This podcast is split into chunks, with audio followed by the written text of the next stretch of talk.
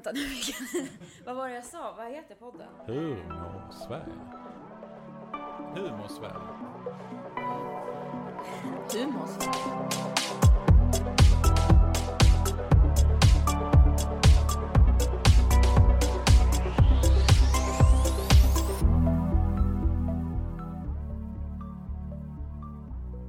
Välkommen tillbaka eh, till ännu ett rafflande avsnitt av eh, Humor Sverige, podcasten från Sverigehälsan. Och idag är det återigen jag, Alice Eriksson, kommunikatör på Sverigehälsan, som eh, ska säga, leder samtalet. Och med mig har jag som vanligt Peter Stjernfeldt. Hej, hej. Ni känner honom vid det här laget så han behöver inte ha någon vidare mer presentation än att han är, ja, han är VD på Sverigehälsan och leder verksamheten Ja. mot eh, målet Friskare Sverige. ja. Eh, och eh, tillsammans med oss här idag har vi Katarina Lundblad, vår eh, eminenta utbildare i mindfulness, eller eh, rättare sagt MBSR och eh, mindful self-compassion. Vi kommer gå in lite närmare på vad, vad allt det här betyder längre in i avsnittet. Men först, eh, hej Katarina! Vill du berätta lite vem du är? ja. Ja, ja, men jag är utbildare i mindfulnessbaserad stressreduktion och mindful self-compassion. I grunden är jag socionom. Läser på steg två, psykoterapeutprogrammet just nu. Ja. Brinner för det här. Ja, Ja. Ja men det gör du ju verkligen. Du är ju mindfulness ute i fingerspetsarna. Fingertopparna. Ehm, men... eh, och jag var faktiskt inne och kollade lite på din hemsida också. eh, innan häromdagen och då läste jag där. Du kom i kontakt med mindfulness på 80-talet. En meditation. Meditation. Mhm. Och sen ledde det till mindfulness och sen kom det till MBSR. Mhm. Ehm, och vad var det som var så... Vad är det som är så... Vad är det med mindfulness som eh, alla borde veta? Och varför du är fast än idag? Eller fast fri kanske man ska kalla det. Ja, fri det är bra. Mer fri än fast. För man blir ju både mer centrerad och flexibel om man övar det här i sitt eget liv. Ja, alltså meditation var något självklart för mig när jag kom i kontakt med det på 80-talet. Och det som var speciellt det var att jag, jag jobbade på smärtenheten ett tag och så läste jag om en man som heter Jan Kabat-Zinn och att det fanns ett program i någonting som hette mindfulness-baserad stressreduktion för människor med smärta och kronisk stress. Och det var liksom eh, precis det som, eh, hur ska man säga, äntligen kommer någonting som är med rötterna på ett seriöst sätt i, eh, i en traditionell meditation, vipassana då. Och eh, en integrering av västerländsk psykologi och medicin. Som Mm. var och en på sitt sätt kan liksom applicera eh, som en eh, övning, som ett sätt att förhålla sig till livet. Så då utbildade du dig inom det här programmet och, och sen så började du integrera det själv i arbetet där på, på smärtenheten eller hur? eh, Nej, det var, eh, det var lite... Då fortfarande bara använde jag det som eh, kanske en övning, ett sätt att eh, förhålla sig vid speciella tillfällen. Men det kom sen några år senare när jag förstod att jag behöver inte skilja mellan rollen som socionom och mindfulness utan att, och jag behöver inte skilja det mellan min privatperson och som professionell utan det integreras i den jag är och vad jag gör. Det är egentligen självklart men det tog en liten stund att fatta det. Mm.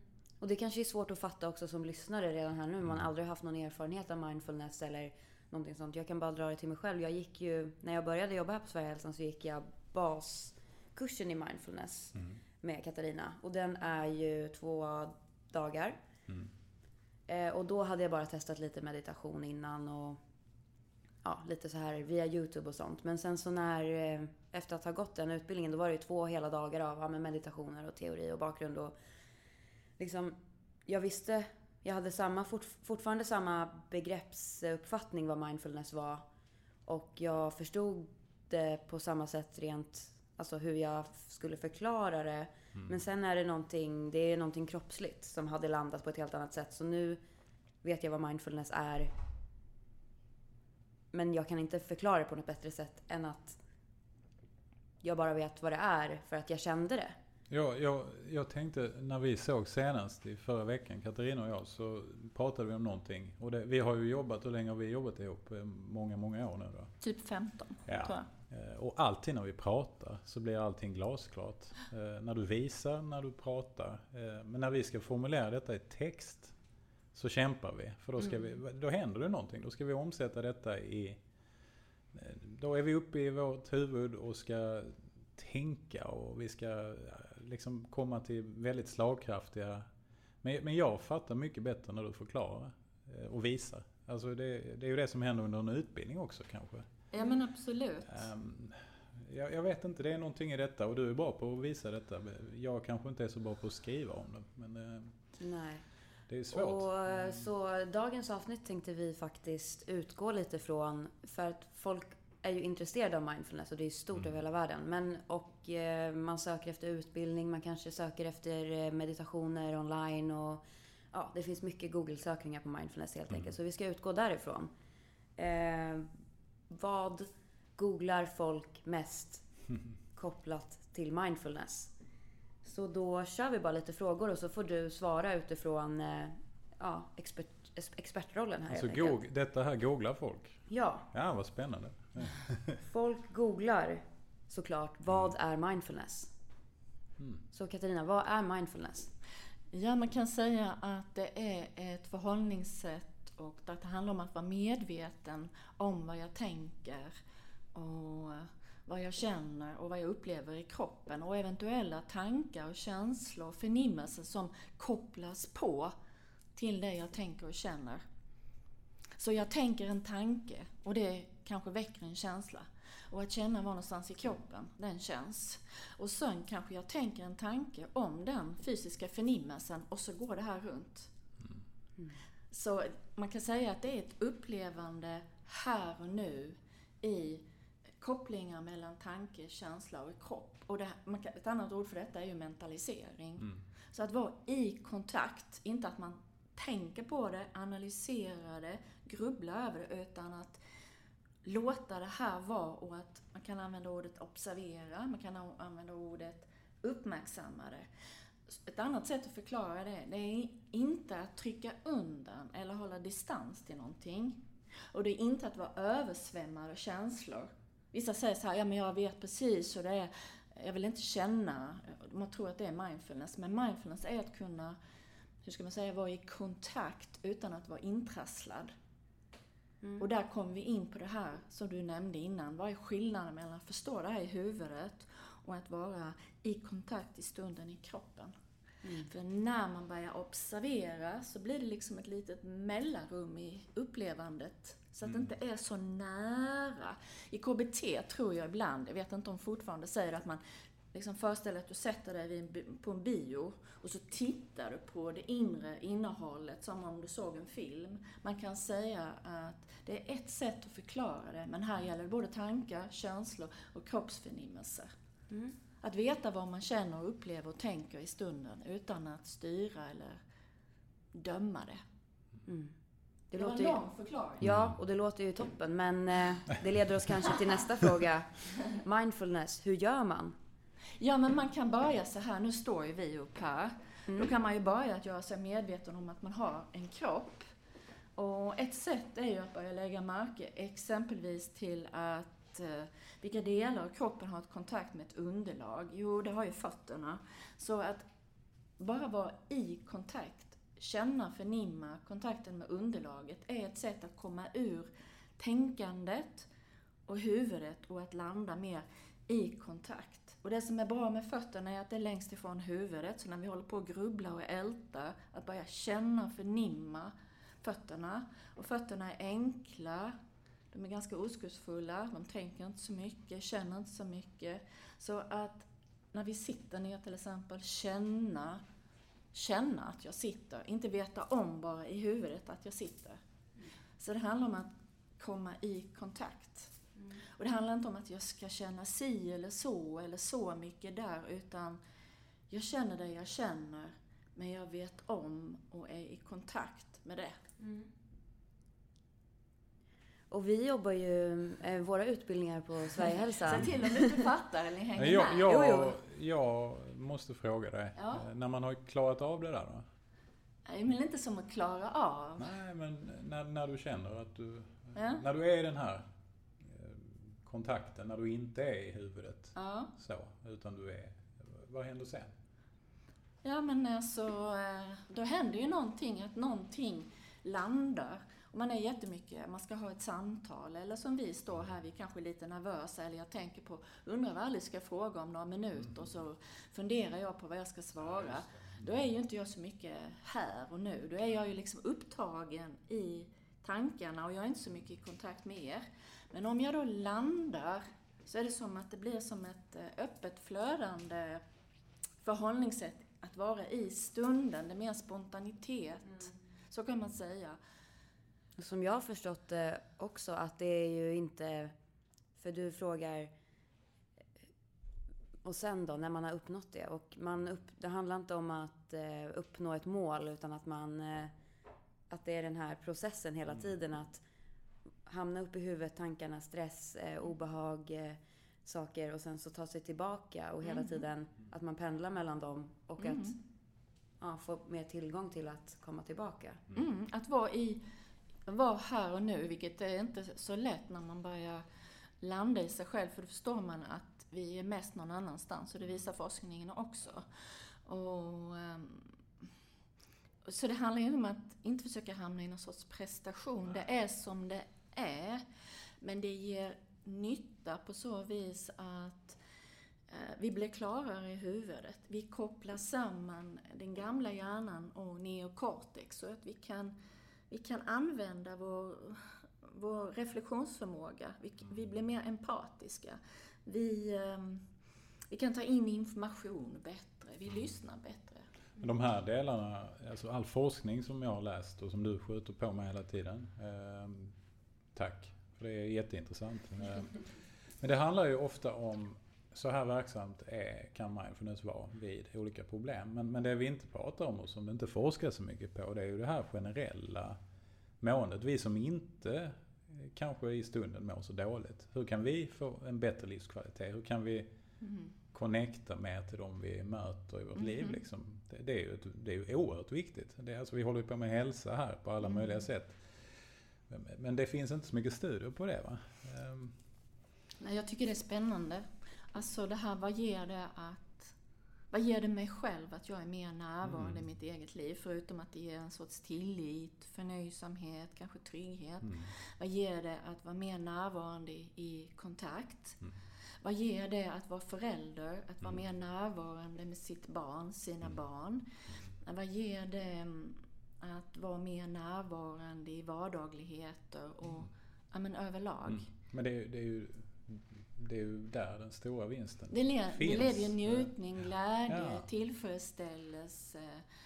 eh, För att, eh, utan att eh, liksom dra iväg för mycket, men när man är mer närvarande så uppfattar man mer med sinnen också. Mm. Och det ger en, en kostnadsfri njutning. Att känna dofter, att Precis som vid stress så blir ju synen mer begränsad. Med närvaro så blir synen mer expansiv. Så att man ser, uppfattar vidare saker. Och som på ett personligt plan så kanske, om man är intresserad av det, vilket liksom, det är det som min längtan driver mig, det är ju att eh, göra sig fri från en massa mönster och trossatser som jag inte behöver. Så det är ett an, en annan aspekt. Och ytterligare en aspekt som jag brinner för väldigt mycket, det är i Sverige har det blivit otroligt mycket inriktning på att det är den andra, eller de andra som ska ha det här, för att inte de mår bra. Men det här mindfulness-baserad stressreduktion, originalprogrammet, handlar ju om du måste walk the talk. För det handlar om ju mer du äger det här så kan du lära ut det. Så att det är mer höger hjärnhalva till höger hjärnhalva än vänster hjärnhalva till vänster hjärnhalva. För man kan ju läsa en bok och så tror man att nu fattar jag ju det.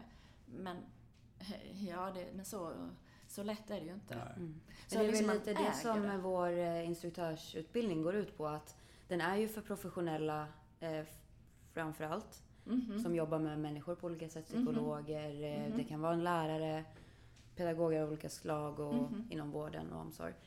Eh, men man, att kunna använda det i sitt arbete måste man kunna förstå det själv. Mm.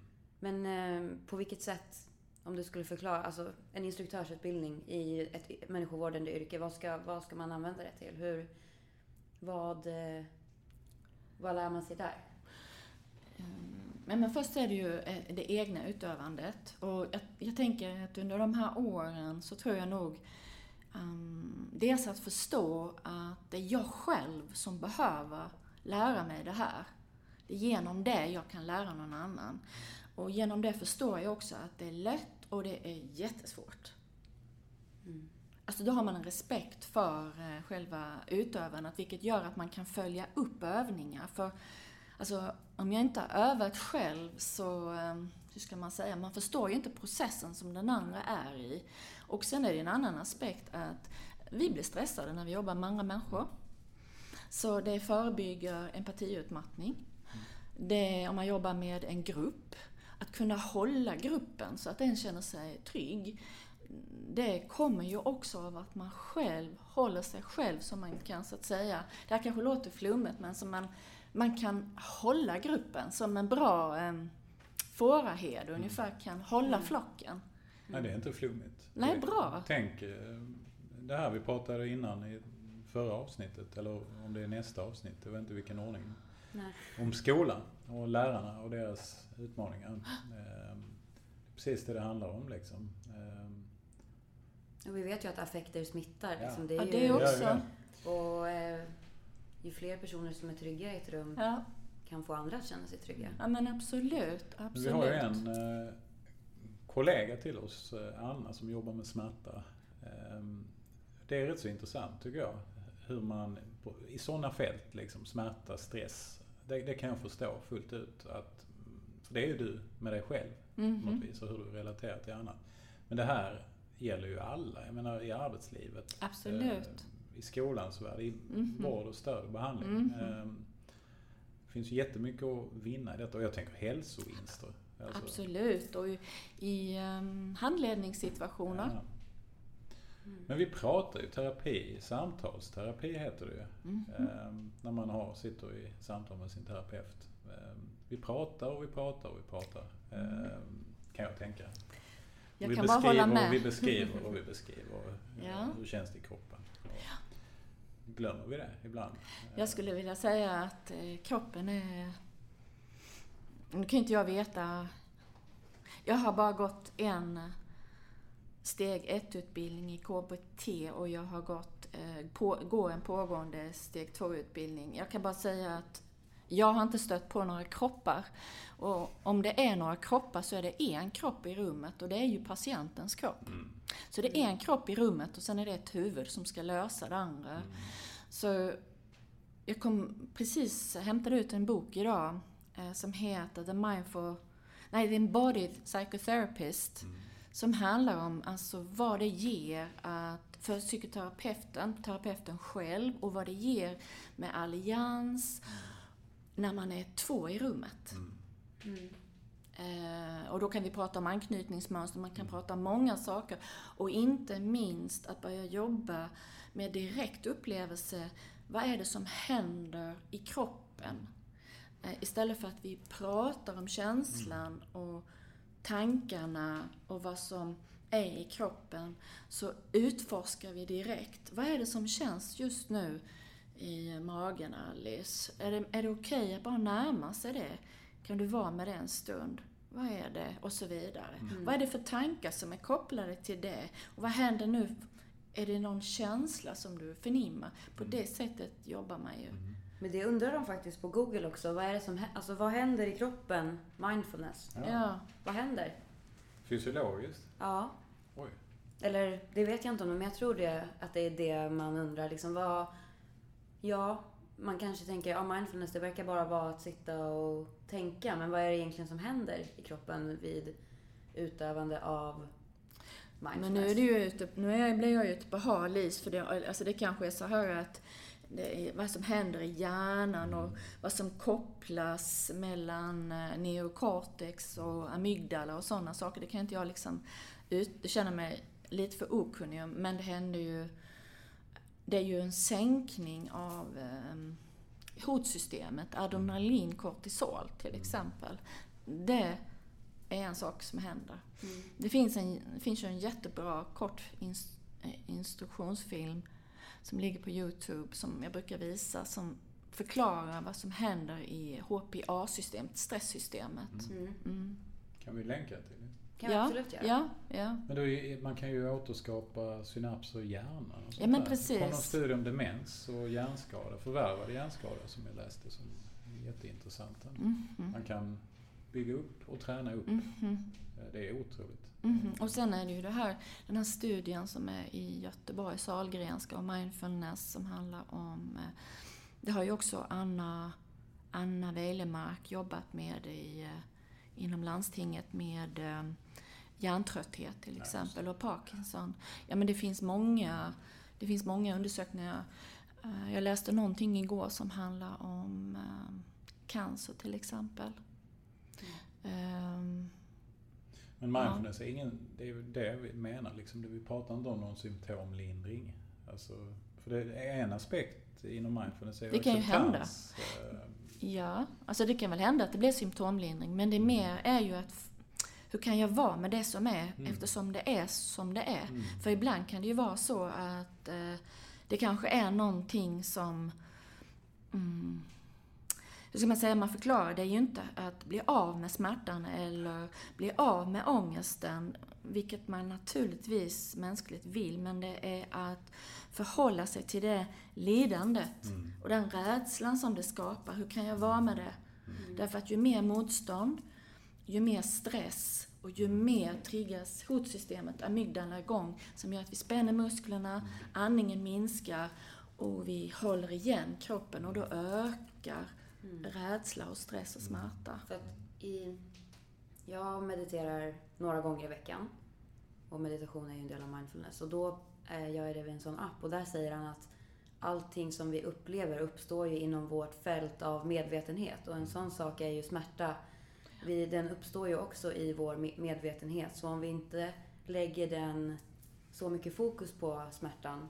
Eller att vi lär oss att rikta fokus åt andra håll eller åt det som känns bra eller hur man nu väljer att göra det. Så kan ju det minska smärtan, eller Mhm. upplevelsen av smärtan. Mhm, Precis. mhm. Mm. Ja. Men det är ju en annan sak som det ger, alltså man övar upp hjärnan genom att medvetet rikta uppmärksamheten. Det är ju inte samma sak som att man trycker under, undan. Det är att man gör ett medvetet val. Och bara det att göra ett medvetet val så gott man kan ger någon känsla av empowerment också, faktiskt.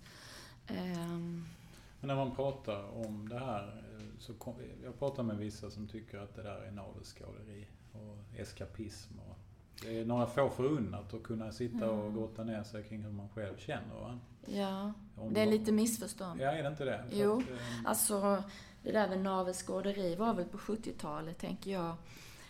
Vad det är, är ju att man blir mer delaktig i livet. mm, Därför att du får mer energi genom att acceptera, tillåta det som är. mm. Så ehm, Sluta kämpa emot. sluta kämpa emot och eh, jag skulle säga att man blir mer delaktig med andra människor. Mm. Det är precis tvärt emot. Mm, Därför att ju mer du förhåller dig till dig själv och respekterar dig själv, ju mer indirekt och direkt ger du till andra Mm. och vill ge till andra. mm, Inte för att det är det som är syftet, men eh, det är allt annat än eh, liksom självupptaget. mm. Och... ehm, ja, men det är ju ganska självklart. Alltså om det handlar om att vara närvarande i sitt eget liv, vem vill inte vara det? Verkligen. Men kan mindfulness vara farligt? För det har vissa googlat också. Mindfulness, är det farligt? Jag tror att man kan säga så här att man ska inte, man ska inte eh, i vissa, om man är väldigt mycket på medicin eller har någon viss psykiskt tillstånd eller diagnos kanske man inte ska eh, eh, ge sig i kast med meditation. Eh, men till exempel så vet jag att eh, när jag jobbade på eh, jag jobbade på ett ställe för några år sedan och då var det en mycket välutbildad sjukgymnast som är eh, meditatör och med mindfulness. Och hon jobbade med psykotiska patienter. Men det är ju för att hon kunde det fältet. Mm. Så mer så att eh, Det kanske är så... om man är precis, till exempel om man är med missbruk och precis eh, har börjat lägga av så det är inte så lämpligt heller. Men om vi säger för de flesta tillstånd, absolut. Hur är det med trauma då? Till exempel? Eh, ja, men eh, med trauma kanske du ska ha någon som är traumautbildad. Som, eh, som kan hjälpa dig. Och då är det ju mer att man jobbar med exponering. Mm. Genom mindfulness exponering och genom att du har med komponenten, om man säger så, de här två vingarna man brukar prata om. Den ena är att, att försöka vara närvarande eller förstå vad är det som händer, vad är det för tankar eller vad är det jag känner i kroppen eller inte, att jag inte känner kroppen. Och den andra är, kan jag vända medkänsla till mig själv vilket aktiverar trygghetssystemet. Så att den kombinationen av um, och icke-dömande millimeter för millimeter uh, när det gäller um, trauma. Det finns en jättebra, den kan vi också länka till, en dokumentär, dansk dokumentär som heter um, Ja, nu föll det ur sinnet, men det är en av världens ledande i mindfulness forskare, Richard Davidson. Och det handlar om eh, traumatiserade amerikanska militärer Mm. och barn med speciella behov som övar mindfulness. Den är jätte, jättefin och jättebra. Mm. Länk. Ja, Länk. Länk. Mm. ja. Jag vill bara säga också, ehm, alltså det handlar om att vara va- liksom vaken i sitt eget liv. Så det är inte inåtvänd, slumrande, drömmande, eh, fantiserande, eh, flummigt. Alltså det är motsatsen till flummigt. För det här är ganska jobbigt att vara närvarande med sig själv. Mm. Mm. Ja men det finns ju massa olika typer av meditation. Vill man ha flummigt? Det finns flummiga meditationer. man kan Absolut, göra. man kan fara runt på en delfin i, med kristaller och sånt. Det Men, vill jag. Men Det vi, det vi sysslar med på Sverigehälsan är ju, allt baseras ju i originalprogrammet Ja, eh, från eh, Massachusetts, eh, Mhm. nu minns jag inte vad skolan heter men det är Det är Medicine School of, uh, School of Medicine. Men nu kommer jag på något annat också som är lite spännande. ja. Eh, forskningen pratar ju om, och det tror jag man pratar om i, eh, i eh, KBT också, man pratar om top-down och bottom-up. Mm. Och eh, igår läste jag senast om eh, forskning kring att med mindfulness så är det både top-down och bottom-up effekten. Alltså det är både i att mer från eh, mentalt kunna reflektera, veta om, till från bottom-up att uppleva inifrån som ger eh, resiliens. Eh, så båda de. Ett annat begrepp som man pratar om i forskningen det är interoceptivt och exeroceptiv uppmärksamhet. Medan många kanske, de är närvarande att nu, nu, nu eh, vet du det, nu rör jag på benet eller Mm. Nu tittar jag lite grann så här åt alla håll och distraherar så att jag upptäcker vad är det som är mig, med mig utifrån. Är ni med? Mm. Medan interoceptivt som man övar i mindfulness, man övar båda, det är ju vad är det jag upplever för att förstå mig själv. Och ju mer jag förstår och är i kontakt med vad är det jag upplever inuti mig själv och var någonstans, ju mer tillit och trygghet får man. Och det här gäller för var och en, vem som. Det är ungefär om man ska jämföra det med till exempel, jag är skitdålig och, och har teknofobi, det vet Alice. Eh, Och till exempel när jag ska köra bil, så om något blinkar så bara struntar jag i det så här. Det kan man kalla fight and flight. Och möjligen att jag kör allt vad jag, hem, hem allt vad jag kan. För jag liksom bara vill fly och låtsas som inget händer. Jag tittar absolut inte i den här instruktionsboken. Det gör jag inte. Men tänk så här då. Om jag skulle förhålla mig likadant till mig själv, vilket många gör. Man vet inte vad som känns inuti. Det är lika bra att trycka undan, distraheras, fyllas på genom mat, dryck, ehm, ja, online, internet och så vidare. Mm. Det blir osäkert att vara i det där huset kan man säga. Mm. Det blir lika osäkert kanske som när jag ska köra bil och det blinkar någonstans. Eller när jag måste springa till Alice och ropa Alice, Alice. Nu funkar det inte med det datorn. Det brukar inte funka hur länge som helst. Jag tänker på ditt bilkörande och eh, Alltså jag körde sönder en bil på det sättet Ja. för ett litet tag sedan. Ja. Ja men det är ju... Och det hä- händer ju med oss också. Vi, att vi kör sönder oss själva. Precis. Så det där med att det blir en ökad kroppsmedvetenhet och det tror jag är någonting som människor kommer ibland när de kommer på kurs ehm, som jag leder på Sverigehälsan, att de har en bild vad mindfulness är. Men allt eftersom så tappar man många fördomar och idéer vad det är. Att det är mycket mer, man skulle säga, body-oriented.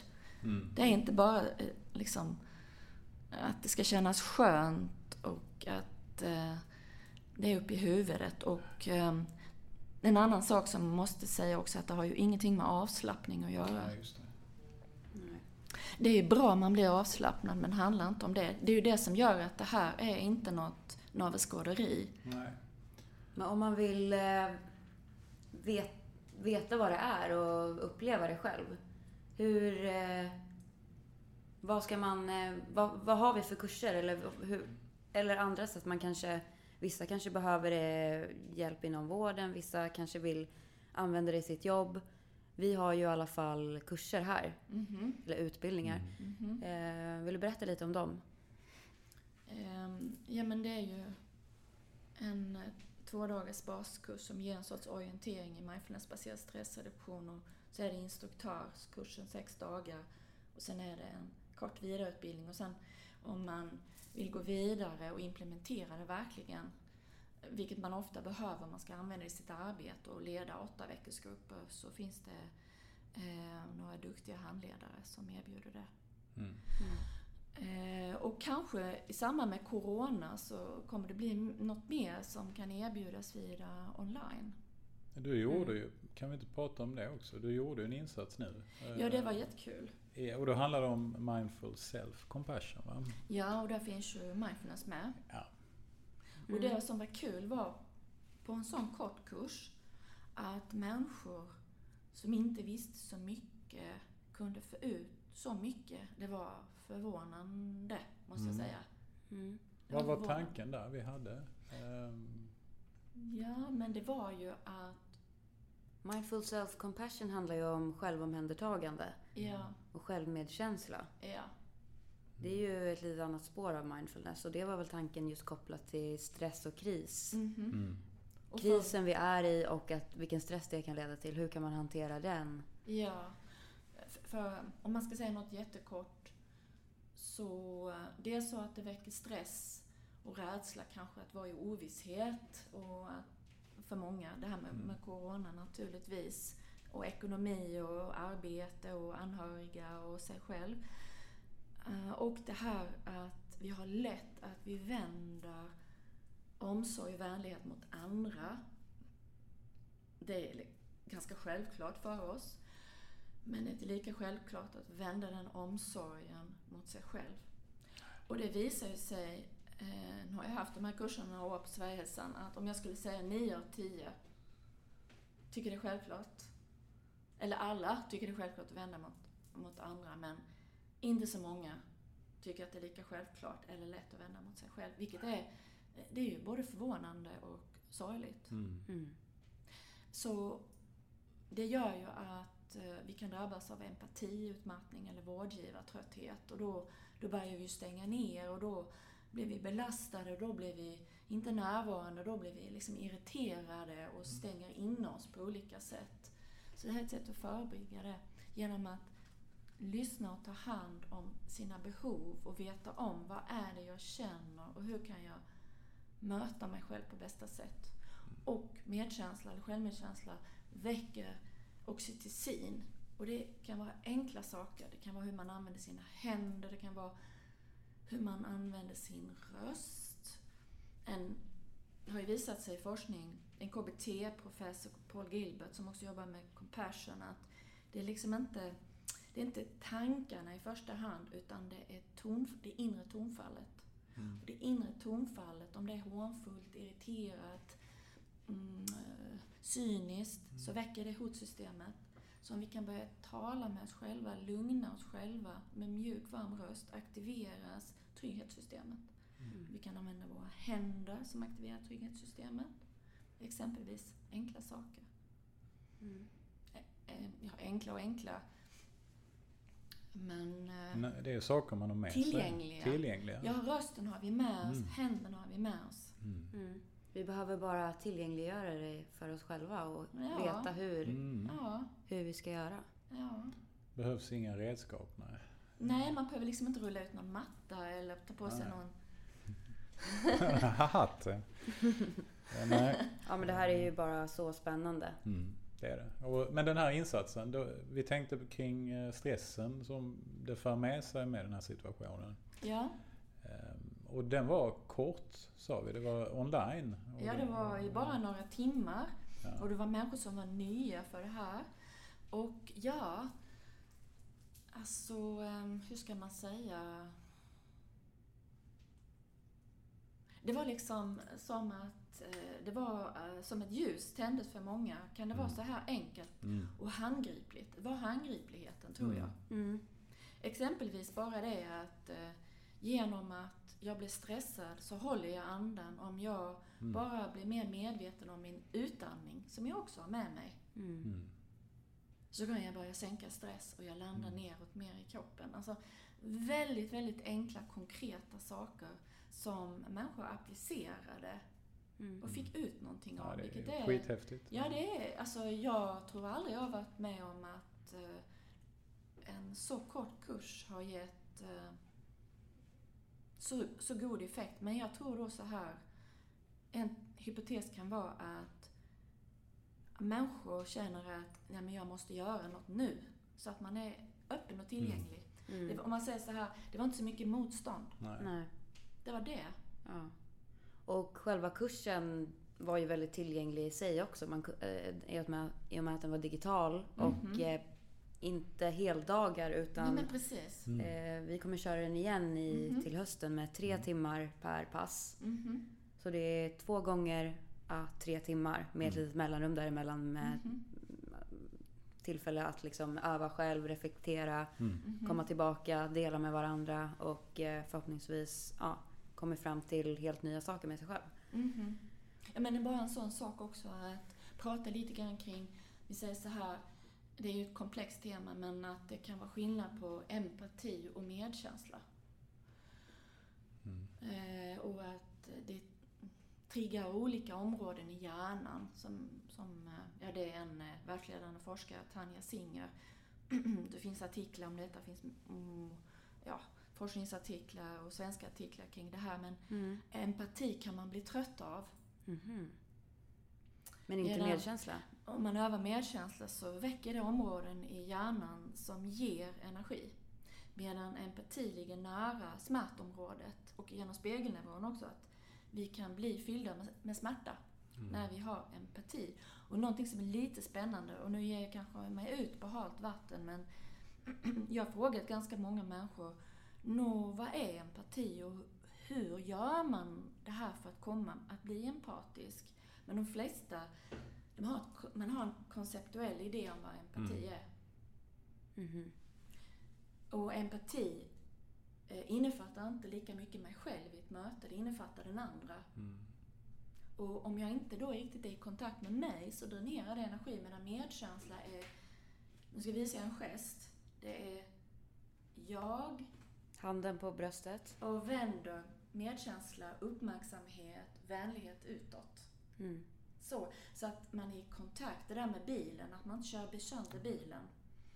Så man kan säga att empati är att eh, ta in den andras känslor men medan medkänsla är att dela sin, dela sin välmening på något sätt. Ja, Eller? men dela sin omsorg. Mm. Ja. Ja. Alltså det blir ju ordskillnader. Mm. Men ja, nu nu ska ni få känna efter på en, Mm. en kort övning. Vill ni det? Ja, Ja, absolut. absolut. Okej, så tänk nu så här. Symbolen för med, eh, empati är att vi eh, är empatiska mot varandra. Och så sträcker vi ut händerna så här. Mm. Och så eh, ska vi nu, tänk nu att vi skulle vara empatiska då med varandra. Eh, åtta timmar om dagen. Fem dagar i veckan. Och sen så kommer ni hem och så har ni kompisar eller barn och familj. Och så fortsätter empatin. Mm. Och så är det det eh, typ 11 timmar, 365 dagar. Mm. Ja. Och så eh, kanske ni börjar känna lite grann hur det känns i armarna. alltså. Mm. Ja, så uppmärksamheten här. Det är alltid någon som Mm. behöver någonting och omsorg och lyssna och så vidare. Mm. Okej, Nej, och så bara, det test, bara testa nu och så lägg en hand på er och så, ja men typ, en hand på ett bekvämt sätt om ni tänker er så här. Mm. Och så eh, är vi på jobbet fem dagar i veckan, 11 timmar. Jag andas, känner min kropp. Mm. Och det är sju dagar i veckan, 365 dagar om året. Och jag andas, jag är i kontakt med min kropp. Och nu står vi alltså och håller en hand på bröstet och en hand eh, Utåt, på något utåt sätt. men Mm. ändå lutar den mot oss själva. Mm. Väldigt Ja. symboliskt. Bara det här, är det no- bara den här Ja, enkla gesten är någon skillnad. Känns lättare. Mm. Känns jätteskönt med den här handen Ja. på bröstet faktiskt. Mm. Så det är Nej, som det att jag är med mig och jag är här och lyssnar på dig så gott Mm. jag kan och förmår. Mm. Du sa det någon gång eh, med den här bägaren som man tömmer och tömmer. Och sen ja, fyller det är man bara den. batterierna Batteriet, som man ska är ladda och sen ska man ladda ur. Mm. Så ska man ladda, nu är vi tillbaka till bilen igen. Mm, det är bilar. Och, eller till min eh, nya sportklocka. Den säger också till mig när är jag ladda. måste ladda och när jag har laddat ur. Ja, ja. Ja men det är ladda, det- ladda. Men det här, om jag är med mig, som har med sig mindfulness, för det är ju sätt att börja pausa medvetet. Inte att, liksom att jag stannar cykeln eller slutar gå. Jag pausar genom att jag har ibland frågan är, vad, vad händer inuti Mm. eller vad pågår? Då blir jag medveten om att nu håller jag andan igen. Mm. Mm. Så att jag andas, inandning ger närhet till hjärnan, utandningen släppa, vila. Bara det gör ju att den här uh, människokroppen håller längre. Mm. Mm. Att det inte är gasa, bromsa, gasa, bromsa.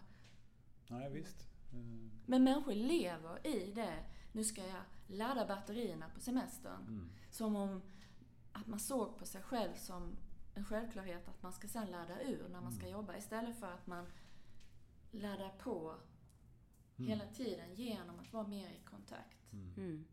Alltså det är ganska självklart. Ja, det är det. Mm. Ja. Tänk på det nu ni som lyssnar under semestern att det handlar inte om... Ja, hur ska jag nu Nu kommer du inte förbi det. Men försök att bara ha... Tänk in, ut. Du, varje andetag är ju in och ut av energi. Mm. Ja. säga. Lite Det flummigt kanske men, Ja. men också sant. Mm. ja. Ja, Ja, ja men det var- tycker jag vi tar med oss. Återigen så känns det tydligare Katarina. Men, men bra. Mm. Mm. Det glädjer Ja, mig. det är bra. Mm. Och eh, ja. Mm. Ja, vi hade, ja, det var jättemånga frågor här som folk hade Var det ingen googlat. konstig fråga som folk googlade? Jag blev nyfiken. Alla de där är logiska. Ja, eh, det här var ju de mest eh, vanliga. Den som var lite konstig var väl kanske farligt, men det kan det ju såklart vara. Eh, Ja, det kunde det. Eller Eh. farligt, i alla fall inte rekommendabelt. Nej. nej. Men det är ju det är en bra, ett bra filter, lackmuspapper, Google. Hur, hur man, vad, Mm. vad, vad, vill, vad vill Mm. folk veta om mindfulness? Så jag Mm. tyckte det var bra. Mm. Och jag tycker inte alls det verkar flummigt. Jag tror att eh, mindfulness för många inte heller är flummigt längre, utan blivit en eh, del av vardagen. Precis Ja. som eh, ja, men feminismen, den har blivit en vardagsmat för många. Mm. Precis som också ja, massa andra saker. Vi kommer framåt, vi Mm. utvecklas. Och Men vi är har, vi har ju, vi jobbar ju i, eller du jobbar, vi jobbar i originalprogrammet och det, det tror jag nog, det, det finns ju olika varianter av det här. va? Ehm, och det kan också bidra till att det blir lite svårt. Ehm, Mm, ja, jag kan tänka, det, det kanske, hur ska man säga, originalprogrammet är ju originalprogrammet och det är det som är det mest beforskade. mm. Ehm, Det är ju just väl att det är bevisat, eller det finns det evidensbaserad behandlingsmetod mot sömn, svårigheter, depression och smärta, smärta. stress. Nej men ni kan önska ha innehåll. Är det något ni som lyssnar tycker är, att ni vill veta mer om? Så hör av er. Eh, Vill ni fortsätta prata mindfulness så berätta Så kommer det. jag gärna. Så får vi ta och prata med Katarina igen. Ja, Tänkte jag. Instämmer. Mm, Tack ni som lyssnat. Ja. Om det var någon som vågade så skulle jag kunna ha att utforska direkt i kroppen att, att jag gjorde med någon. Ja. Hur man gör. Det Ja. kunde jag göra. För det, och det skulle man helst egentligen spelat in på video också. Ja. För det finns ju inte. Men det skulle vara en lämplig kandidat. Men du som Verkligen. vill. eh, Ja, om det är någon som, har, som bor i närheten med lite stresspåslag eller ja, någonting. Det hade varit jätte... Det hade jag jättegärna gjort Mm. att vi kunde... Vi kan pröva. Mm. Hör av dig. Ja. Vi Ja. finns på sociala medier, mail, ja ni vet. Ja. Överallt. Ha det bra. Hej då. Hej då.